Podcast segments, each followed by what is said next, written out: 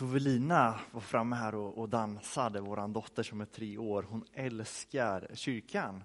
Eh, och vi kan inte säga till henne att, att, nu ska pappa gå till kyrkan och jobba, för då, då ger hon sig inte om hon inte får följa med. Va, sådär, utan pappa, pappa ska gå, gå iväg en sväng så kommer han hem sen, brukar vi säga. Sådär, va?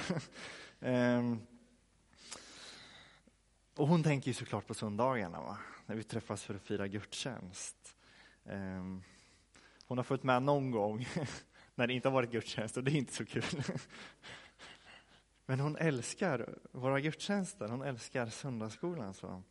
Och jag har tänkt en del på den här, i, i psalm 122.1 så står det så här. Jag blev glad när man sa till mig, kom, vi ska gå till Herrens tempel.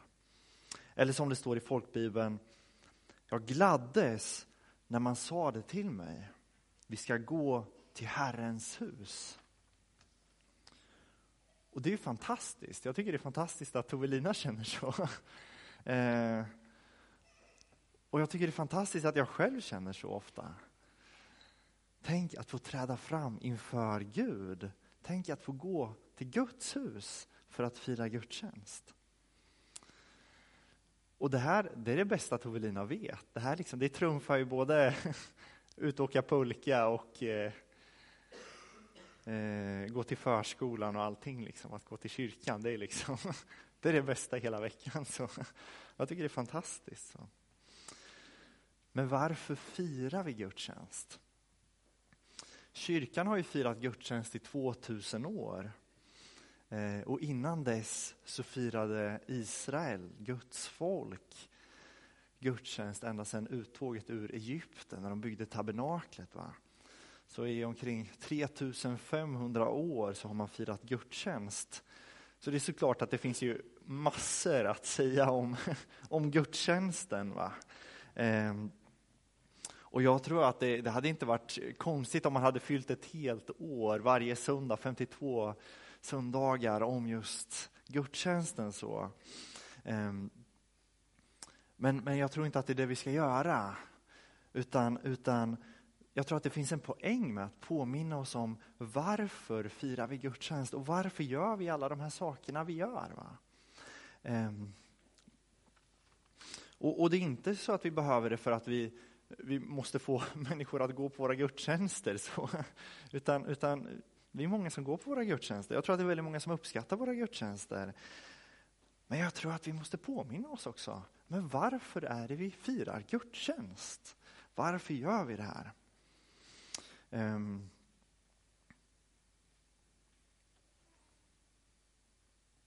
Vad är det första vi gör i våra gudstjänster? Jag tror att bland det första vi gör i våra gudstjänster så sjunger vi lovsång. Och det, det är ju väldigt kontroversiellt egentligen. Om man ska framställa en, en frikyrka som en sekt, då tar man en bild på några människor som står och sjunger lovsång. Då, då är det en sekt. va? Sådär. Eh, man gör konstiga saker. Varför sjunger vi egentligen lovsång? Och då menar jag lovsång i bred bemärkelse av tillbedjan. Va? Det är ingen skillnad på lovsång och psalmer, så, utan, utan lovsång. Så. Varför sjunger vi lovsång? Jo, men vi sjunger lovsång för att Gud är Gud. Jag tänker på, nu, nu, kan inte jag uttala hans namn korrekt här, men Dennis McGover, vad han nu heter, va? Från, från Kongo, läkaren, som fick eh, fredspriset för hans arbete med, med utsatta kvinnor. Ehm, jag vet inte om ni såg när han höll talet. Han höll sitt, sitt pristal. Men applåden tar liksom inte slut, utan folk bara står där och applåderar. Så. Ehm, um, han är en fantastisk människa. Va? Um, vad är lovsång? Jo, men lovsång är ju vårt gensvar på vem Gud är. Vi kan älska människor som gör fantastiska saker. Men Gud, som är liksom så fantastisk. Hur gensvarar vi till Gud? Jo, med lovsång. Ehm, jag har en vän, eh, hans fru dog och jag har berättat om det någon gång tidigare i en fruktansvärd sjukdom. Så. Ehm, och jag vet att om Emily hade dött så hade det inneburit väldigt mycket kamp i mitt liv. Så hur kan Gud tillåta det här?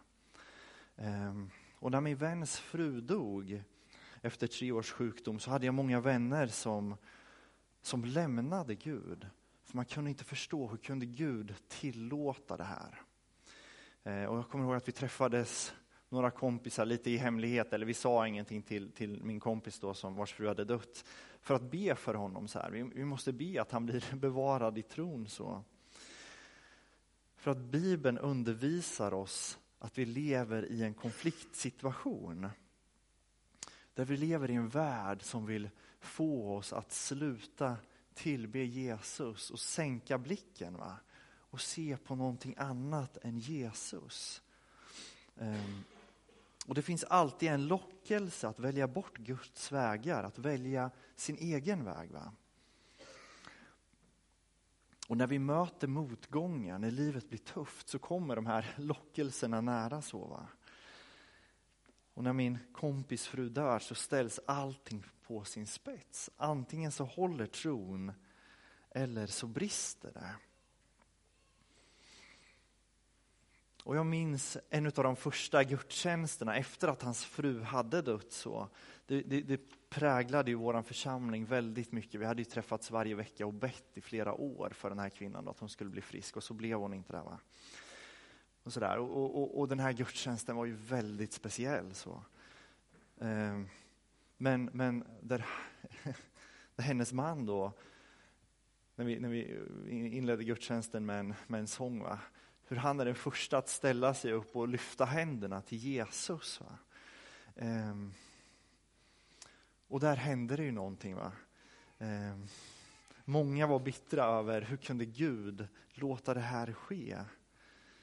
Eh, men om Gud, men om han kunde tillbe Gud, så vilken rätt hade jag då att vara bitter? Va?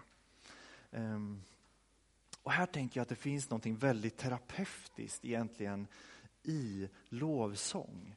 Vi kan hantera saker på olika sätt. va?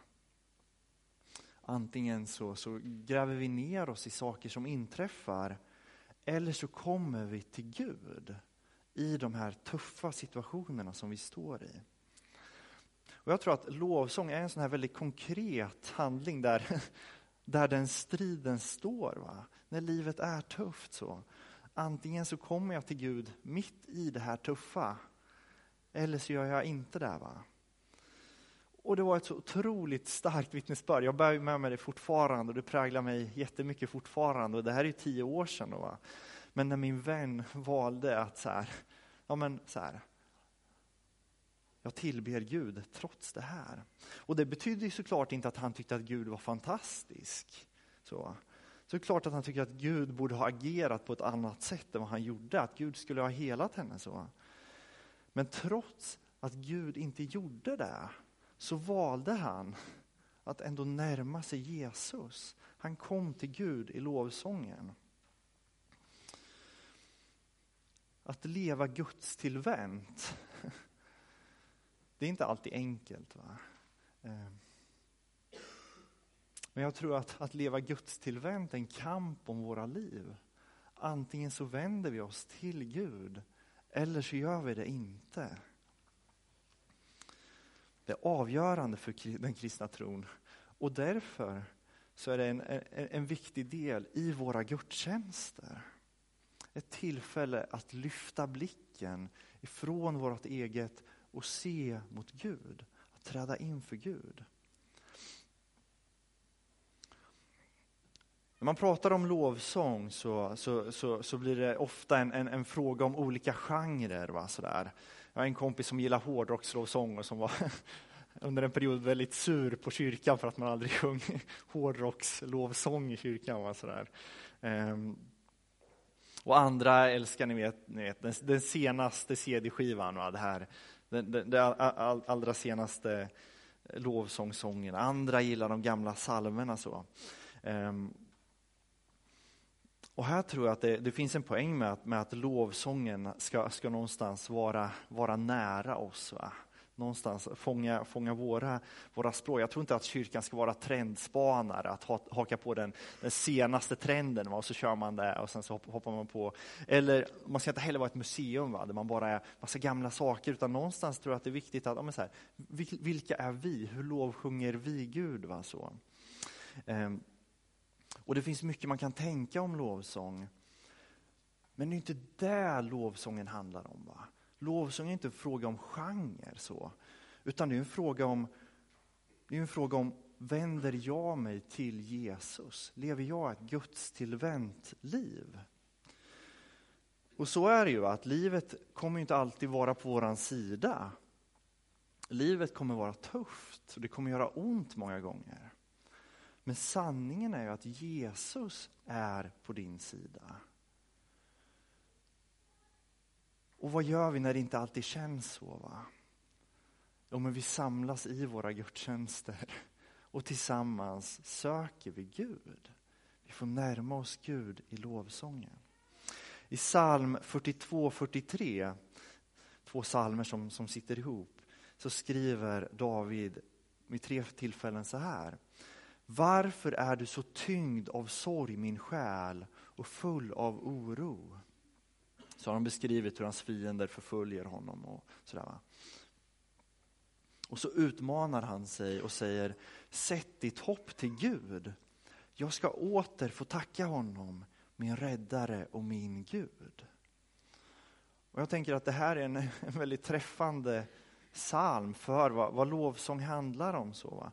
Det pågår en kamp om våra liv. Och en del av den kampen utkämpas i lovsången. Där får vi välja att trots alla omständigheter ändå träda inför Jesus.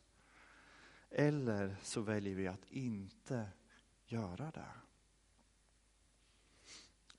Och det här tänker jag är en typ av verklighetsterapi. Va?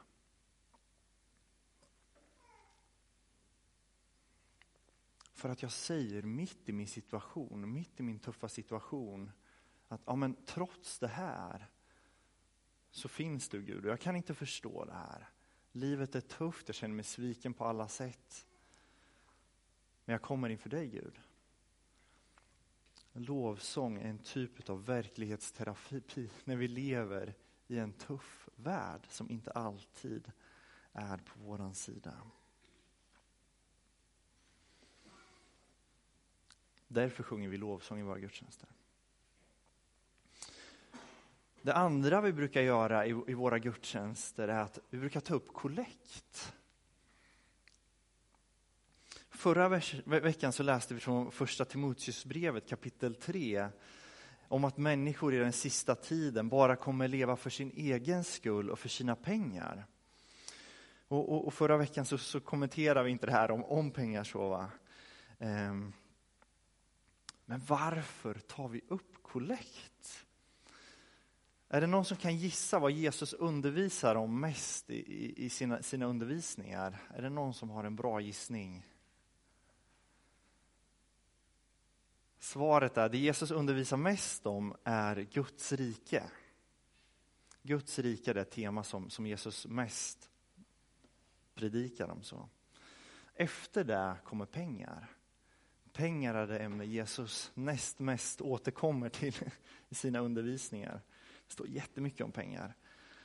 11 av de 39 liknelserna handlar om pengar. Va? Vad handlar Jesu undervisning om pengar om? Jag kan läsa från Matteus 6, 19-21. Det står så här. Samla inte skatter på jorden där mal och mask förstör och tjuvar bryter sig in och stjäl.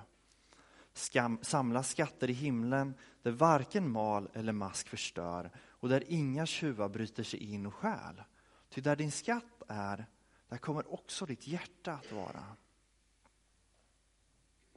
Där din skatt är, där kommer också ditt hjärta att vara. Jag tror att vi är väldigt inkrökta i oss själva. Våra liv handlar väldigt mycket om oss själva. Va? Och det handlar väldigt mycket om våra pengar. Och jag tror att Jesus, han befriar våra hjärtan. Va? Ehm, han räddar oss till ödmjukhet och han räddar oss ifrån våra pengar. För där din skatt är, där kommer ditt hjärta att vara. Och det här tänker jag är huvudanledningen till varför vi tar upp kollekt. För att det gör någonting med oss att ge. Och i vår frikyrkliga tradition så, så, har man undervisat om tionde. Va? Man ger 10 procent av det man tjänar. Så. Ehm, och så ser det ut både i Sverige inom frikyrkligheten, att man undervisat så, och det ser ut så världen över inom, inom frikyrkligheten, att man, man, man undervisar tionde. Vi, vi ger tionde av det vi tjänar till Gud. Ehm, och det, det är en, vad säger man, en idé som kommer ifrån från gamla testamentet. Va? Eh, att så, så gick det till. Ja, men man gav tionde av det man tjänade till Gud. Så. Och ibland händer det att människor invänder och säger att ja, men det är en gammaltestamentlig praktik. Det finns inget stöd för det i Nya Testamentet. så va? Och det stämmer. I Nya Testamentet så finns det inget stöd för att vi ska ge tionde. Men om vi ska läsa Nya Testamentet så är undervisningen där kanske snarare att vi ska ge 100% till Gud. Va? Det är kanske snarare Nya Testamentets undervisning. Va? Att allt vi har tillhör Gud. så. Um, och så tänker jag att vi försöker leva som kristna. Va? Att vi försöker betrakta våra pengar som Guds. Och, och vi frågar oss, men Gud, hur kan jag använda de här pengarna som jag har till att förhärliga dig? Så att de i slutändan kommer, kommer ditt rike till del. Va? Det betyder inte att vi ska ge bort allting vi tjänar direkt. Va, så. Utan någonstans se hela våra liv som en del i ett större pussel som verkar för Guds rikes utbredande. Va? Och det var en, en, en kille som sa till mig precis när jag var färdig med gymnasiet så sa han så här, börja ge tionde nu, för det blir mycket svårare när du börjar tjäna pengar. Och jag tyckte det var ett ganska bra tips, för det märker jag själv. Eller så här, och, och, och, jag började ge tionde då, alltså. och vi gör det fortfarande. Men jag märker det, människor som, som, som inte har gett tionde, när man börjar fundera kring sådär, att ge i kollekten, va? det tar ju emot. Va? För 10 procent av det jag tjänade är mycket pengar. Sådär. Um. Ehm. Och pengar, sådär. Det, våra liv handlar så mycket om våra pengar. I vår hemgrupp i Örebro så hade vi ett par som, som vid ett tillfälle delade att de, de hade det svårt ekonomiskt. De hade inte råd att åka på semester, det här var innan sommaren. så. Och de ville gärna ge sina barn semester. Så de, de delade det. så och, och, och, och, vi pratade om det i hemgruppen, några stycken. Och, och, jag och Emelie var med, var med och gav dem pengar till, till semester. Så, va? Ehm, och jag tycker det fantastiska var egentligen inte att de fick pengar, sådär, eller att vi hade möjlighet att ge, utan bara att, att de delade sin ekonomiska situation, tycker jag var fantastiskt. Det tog tag i mig. Och där väcktes en längtan i mig att, att vara med och ge. Va?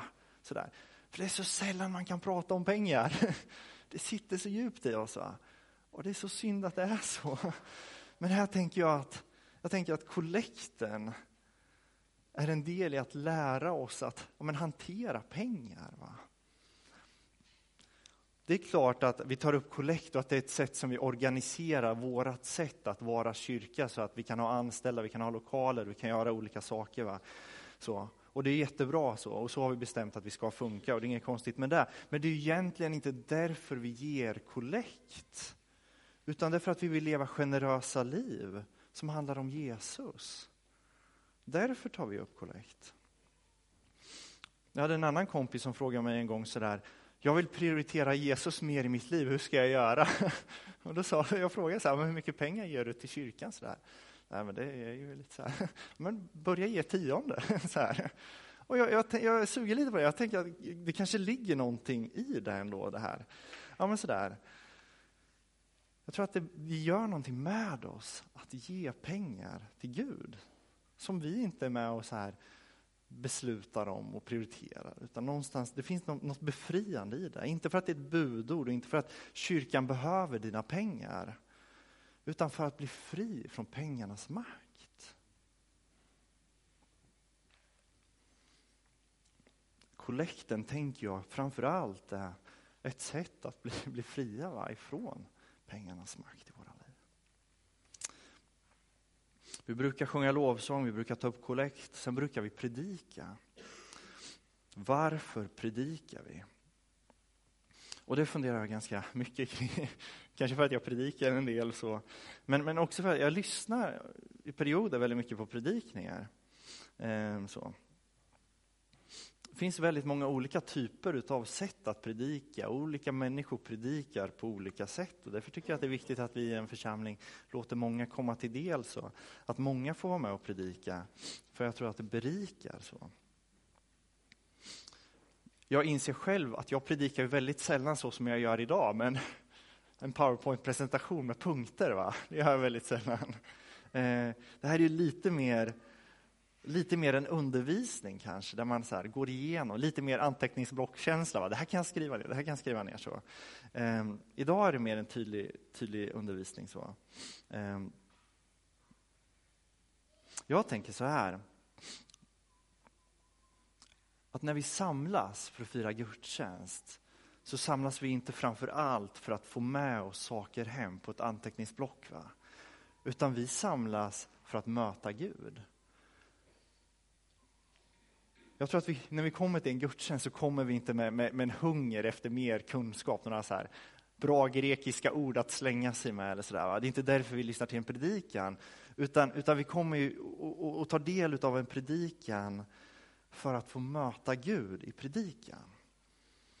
Och här tror jag att predikans syfte är att göra Jesus synlig.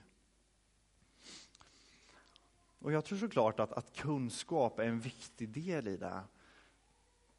Och därför så har vi ibland predikningar som är lite mer undervisande. Men det är ju inte framförallt kunskapen vi vill bygga upp och förmedla, utan det är ju Guds mötet. Jag tänker att vi samlas här för att vi är människor som längtar efter mer av Jesus. För mig går det lite i perioder, men, men i perioder så lyssnar jag på flera predikningar i veckan. Så. Då lyssnar jag via min telefon, så när jag är ute och går eller springer eller sådär, um, så lyssnar jag på predikningar. Um, vi lever i en tid med så mycket marknadsföring, med så mycket reklam för saker hela tiden. Så många saker som vill ta vår uppmärksamhet. Och ibland så känner jag mig så här, man blir bara helt matt så och känner så att men det är inte det här jag vill fylla mig med. Och jag kollar jättemycket på Youtube. Som är sån här, på internet det finns jättemycket videoklipp. Liksom. Det laddas upp, jag vet inte hur många timmar varje sekund med nytt videomaterial man kan titta på. så. Och ibland så inser jag bara att nu fyller jag mig, mig med saker som är, det här är inte bra för mig. Det här är inte det som, det väcker inte en längtan efter Jesus i mitt liv. Och då bara inser jag att nej, nu måste jag lyssna mer på predikningar. Så. Och det är inte att jag känner att jag borde, utan att jag bara känner att ja, men det, det kommer en längtan inom mig efter att fylla mig med, med Guds ord. Igår vi åkte till eh, lek och buslandet i Vimmerby. Jag satt och lyssnade på Bibeln hela vägen eh, på, på, min telefon. Liksom. Det gör någonting gott med oss. Va? Därför predikar vi, för att göra berättelserna om Jesus levande för oss i de utmaningar som vi står i.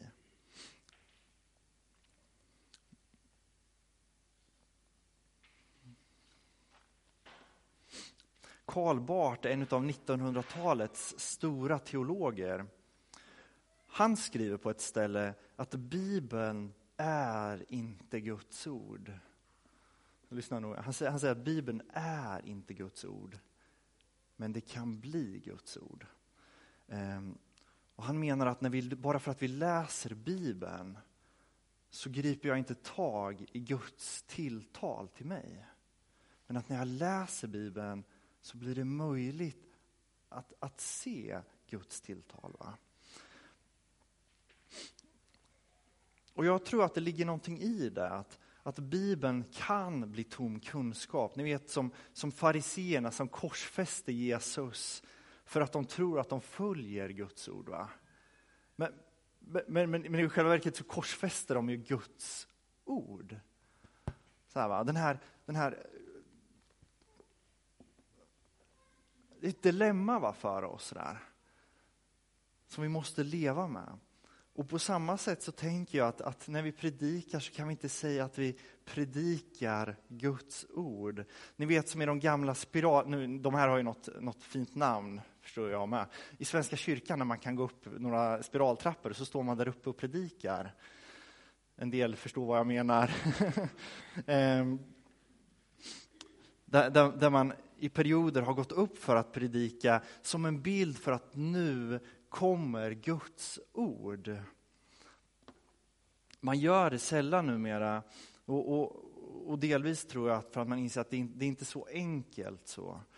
Um, i första Thessalonikerbrevet 2.13 står det så här. Därför tackar vi ständigt Gud för att ni lyssnade till Guds ord i vår predikan och tog emot det. Inte som ett människoord, utan som vad det verkligen var. Guds ord som också visar sin kraft hos er troende. Jag tackar Gud för att ni lyssnade till Guds ord i predikan och inte till människoorden.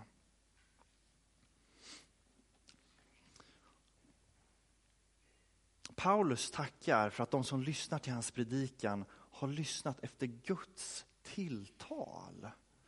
Inte efter människans ord, va? utan efter Guds tilltal i predikan.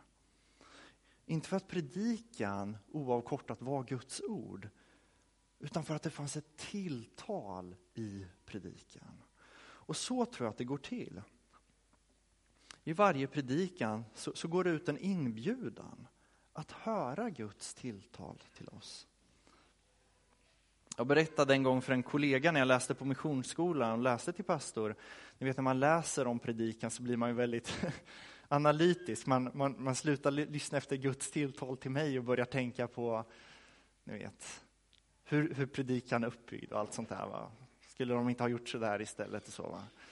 Jag sa till, till en, en kollega där så här att, att, att jag har svårt att, att ta till mig predikningar. Det är sällan jag blir träffad av predikningar. Och då sa hon att hon själv såg det som sin uppgift i varje predikan att hitta Guds tilltal till henne. Och det har jag tagit med mig och jag tänker att det är så att, att, att men i varje predikan vi hör, så antingen kan vi höra det som en, man kan tycka att ja, men det där var ju lite kul och det var roligt att höra det där. Va? Eller så lyssnar vi efter Guds tilltal i predikningarna. Och jag tänker att det är anledningen till att vi predikar, inte för att vi ska få mer kunskap, utan för att få höra Guds tilltal. Vi samlas runt predikan för att vi lever i en värld där vi matas med många olika saker hela tiden. Men där vi har en Gud som vill tala in i våra liv, in i våra situationer. Därför samlas vi runt predikan.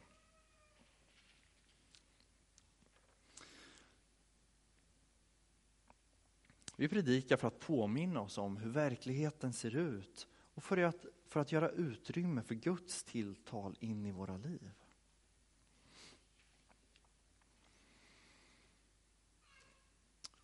Och efter predikan så brukar vi alltid lämna möjlighet till, till förbön. Varför ber vi för varandra i våra gudstjänster? För några år sedan så hälsade jag på Maria, min syster som är två år yngre än mig. Ehm, hon bodde i USA två år och gick en bibelskola där. Och det är en sån här, en av USAs mest karismatiska sammanhang. Det, det åker flera, jag ska inte säga tusen, men många hundra svenskar dit varje år i alla fall, så för att besöka. Eh, och vi besökte en gudstjänst där, jag tyckte det var lite intressant. Jag har läst några böcker därifrån. Och väldigt mycket av de, de lovsångerna som, som sjungs idag föds där och, och så. Eh, jag tyckte det var lite spännande så att gå dit. Ehm, jag besökte en gudstjänst som inleddes med så här superpamp, jätterejäl lovsång, så här ett rejält pass. Det var säkert 40 minuter med någon. Det var häftigt. Det var en, en 60-årig man som var lovsångsdansare. Det grep tag i mig. Det ser man sällan. Så, wow. Ehm, och så kom predikan och det var en riktigt rejäl predikan. Och sen när predikan var slut så reste sig alla upp och gick därifrån. Och så satte de på en lovsångsskiva och så sa de att om man ville ha förbön så kunde man få komma fram där. Va? Ehm. Och så sa min syster, jag frågade henne om det, så här, oj, så här, nu tog det slut. Så här. Så hon, ja, det är så skönt, då slipper man vänta på alla som ska ha förbön. Så här. Det tyckte jag var lite kul. Ehm. Men, men, så, ser, så ser gudstjänstkulturen ut i, ut i USA. Va? Att efter predikan så, så, eh, så är det slut. Va? Eh, men här ser det inte ut så. Varför i Sverige har vi ett utrymme efter predikan för förbön? Varför har vi det? Och när man kollar över världen så är det ganska många som har den amerikanska modellen. Va? Så, där man slutar efter predikan. Varför har vi inte längre predikningar och sen ett avslut i våra gudstjänster? Men delvis så, så, så, så kommer vi ur en tradition, en väckelsetradition. Va? Där man hade en inbjudan på slutet och det där var liksom kärnan i gudstjänsten och det har levt kvar. Men också för att vi, vi, vi har liksom skapat en egen kultur av att bevara och gensvara på det Gud gör i våra gudstjänster.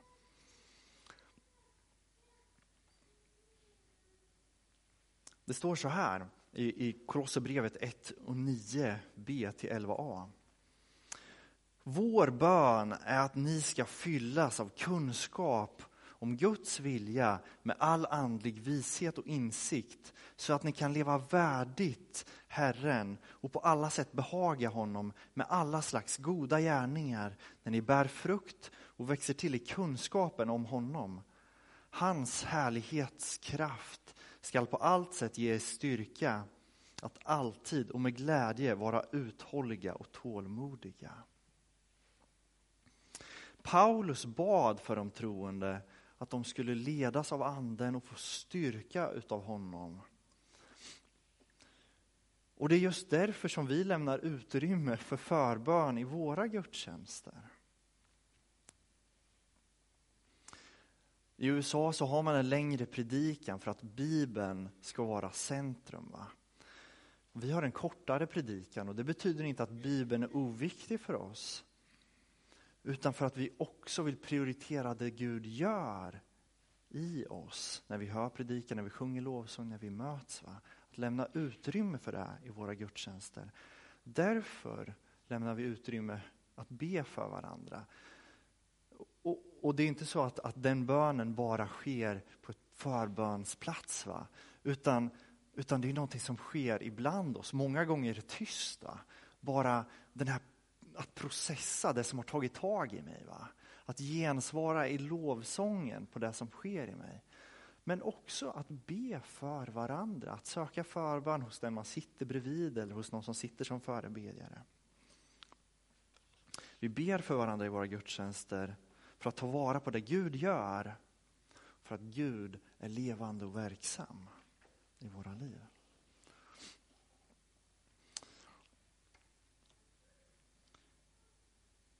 Jag funderade innan, jag, när jag började skriva den här predikan så, så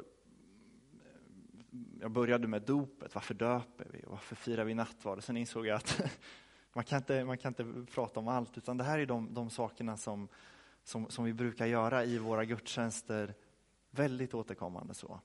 Um, och jag tänker att de här väldigt mycket också stämmer överens med vad som sker i söndagsskolan. Jag tänker att söndagsskolan är en väldigt viktig del i våra gudstjänster. Och det här är, tänker jag, väldigt direkt överförbart. Men att det ser väldigt annorlunda ut för barn. så. så. Jag vill bara nämna det också, för jag tänker att söndagsskolan är en väldigt viktig del i våra gudstjänster också.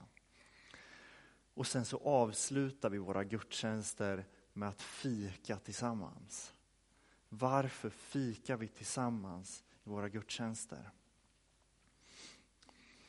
När jag bodde i Örebro så, så hade jag några vänner som, som mådde dåligt. Eh, som hade varit med i, i, eller som var med i frikyrkan, men som under en period gick till, till Svenska kyrkan, så, till deras gudstjänster. De berättade att, så här, att men det är så skönt att komma dit för man får vara anonym. så. För här finns det ingen tydlig eh, tydlig gemenskap, utan man kommer och går som man vill. så. Um, varför fikar vi ihop i frikyrkan? Men det är just för att vi tror på gemenskapen. Och inte för att ställa Svenska kyrkan mot frikyrkan så, men det var deras upplevelse där i en stor, i en stor församling, i en stor svensk kyrklig församling i Örebro. Så. Men i frikyrkan, varför fikar vi ihop? Jo, men för att vi tror på gemenskapen. Um, vi tror inte att vi är ensamma som kristna, utan vi hör ihop som en familj. Och vi kan läsa ifrån Galatiebrevet 6 och 2. Det står så här. Vi är kallade att bära varandras bördor. Så här står det. Bär varandras bördor så uppfyller ni Kristi lag. Alltså bär varandra, dela livet. Romarbrevet 12. Där vi är kallade som kristna att leva tillsammans som Jesu kropp. Det står så här, ni utgör Kristi kropp. I första Korintierbrevet 12, 27. Ni utgör Kristi kropp och är var för sig delar av den. Att fika är att mötas. Och det tänker jag är det är inte något, ett alternativ egentligen, så här, att dröj kvar om ni vill, utan jag tänker egentligen att gudstjänsten fortsätter runt fikaborden.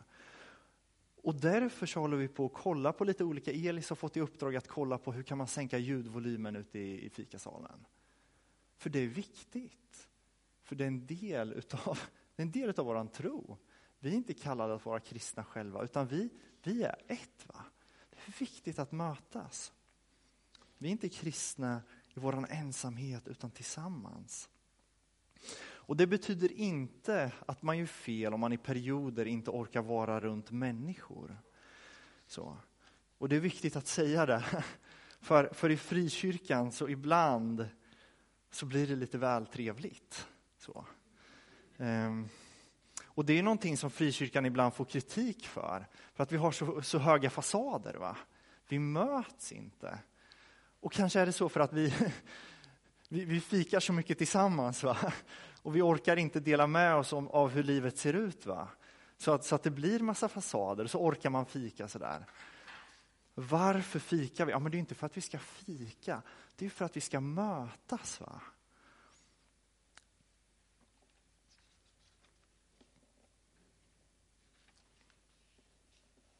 Det är tillfälle att dela livet, och det tillfälle att ställa sina frågor, att brottas med Guds tilltal, att söka Guds tilltal tillsammans. Va? Därför är det fantastiskt att få fika tillsammans. Det är fem delar i, i våra gudstjänster, helt kort. så.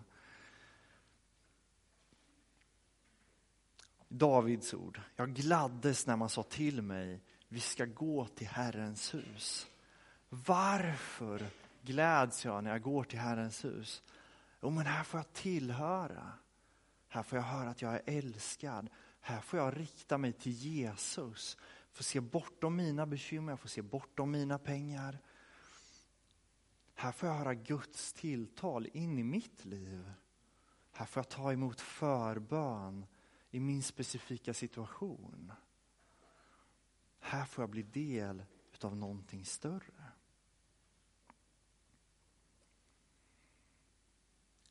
Vi firar gudstjänst för att Jesus älskar oss, för att Gud vill oss. Jesus vill vara en del av ditt liv. Och där är gudstjänsten en, en rytm för våra liv, där vi varje vecka får samlas för att hämta fokus på nytt. Få påminna oss om vad som är viktigt, få stöd av varandra. Va? Vi får söka Jesus tillsammans. Vi firar gudstjänst för att möta Jesus. För det är det vi vill med våra liv. Det är det vi lever för. Och det är ingenting som vi har kommit på själva, utan någonting som Guds folk har gjort i mer än ja, i 3500 år har man firat gudstjänst. Och vi har en form för det. Våra gudstjänster ser ganska mycket ut så här. Vi önskar att vi skulle ha fler dop, att man skulle behöva berätta, förklara varför, varför döper vi så ofta. Sådär, va? Så. I andra kyrkor så det, det, ser ut på olika sätt. Va? Svenska kyrkan har en form, Missionskyrkan har en annan form. Och det tycker jag är jättebra. Vi har olika former utifrån det som är viktigt för oss. Va? Sådär. Utifrån det vi har med oss. Och det finns någonting gott i att det finns tre olika gudstjänstfirande gemenskaper som har lite olika former. För det ger ett, ett, ett bredare hem. Va? Vi är Guds församling tillsammans. Men vi i församlingen Brokyrkan firar gudstjänst så här. Missionskyrkan firar man gudstjänst så där. Trivs du bättre med det, var välsignad att, att vara med där. Va? Om, om det är där du möter Gud, i Svenska kyrkan. Va? Och Det finns någonting gott i att, att vara flera för att ha ett bredare uttryck tillsammans så att fler människor kan hitta hem.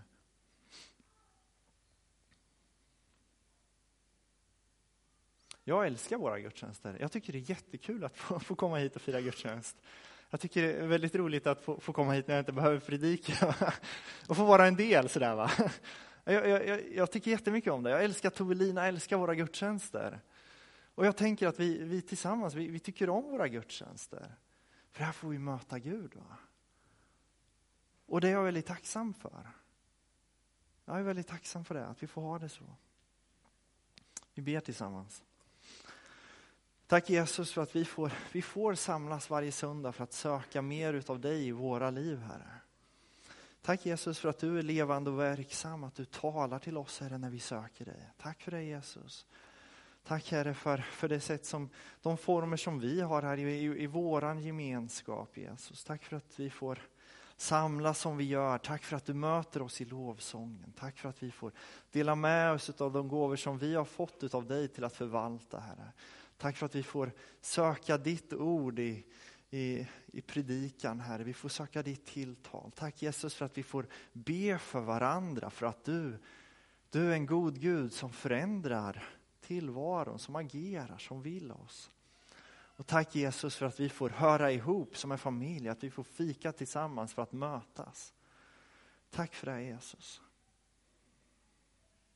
Och Jesus, jag, jag ber för alla de som, som tillhör vår församling, som, som egentligen vill komma och fira gudstjänst hos oss, men som, som av olika anledningar inte kan det, som inte orkar Jesus. Vi ber Herre att vi ska få, få se dem, bekräfta dem Herre. Vi ber Jesus att, att du ska vara nära de människorna Jesus. Att de ska få möta dig där de befinner sig Herre. Jag ber om det i Jesu namn. Amen.